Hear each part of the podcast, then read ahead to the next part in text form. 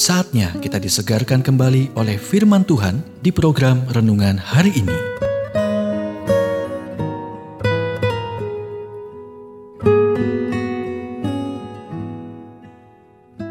Renungan hari ini berjudul Berjalan dengan Pincang. Nats firman Tuhan diambil dari kejadian 32 ayat 31. Yakub pincang karena pangkal pahanya.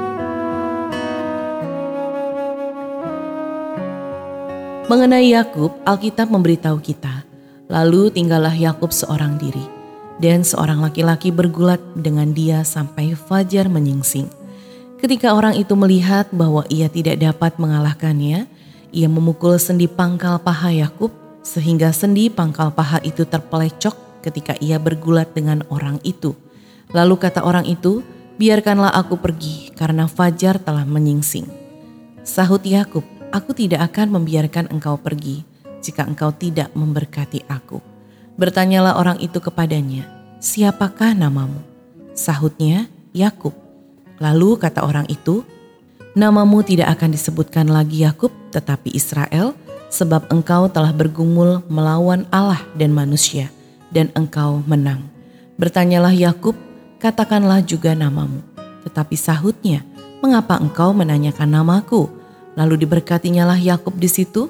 Yakub menamai tempat itu Peniel, sebab katanya, "Aku telah melihat Allah berhadapan muka, tetapi nyawaku tertolong."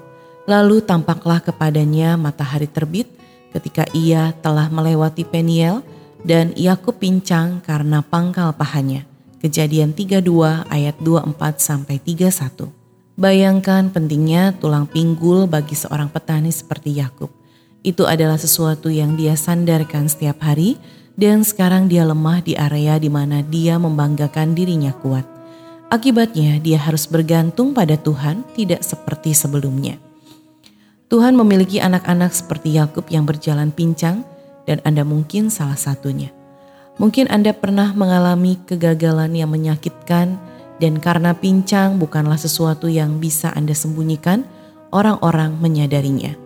Tuhan suka menggunakan orang yang cacat atau rusak.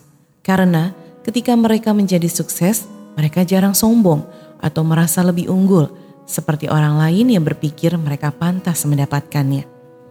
Mereka sedikit lebih hangat, sedikit lebih bersedia untuk menjangkau dan merangkul orang lain.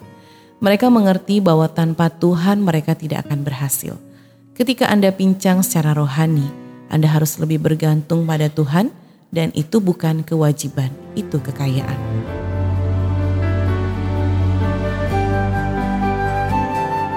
Kita telah mendengarkan renungan hari ini.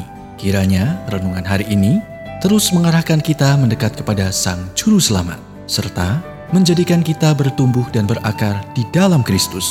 Renungan hari ini tersedia dalam bentuk buku maupun digital dan bisa Anda miliki dengan menghubungi Japri di WhatsApp 0812 8784 7210 atau email ke infoapripusat@gmail.com. Tuhan memberkati.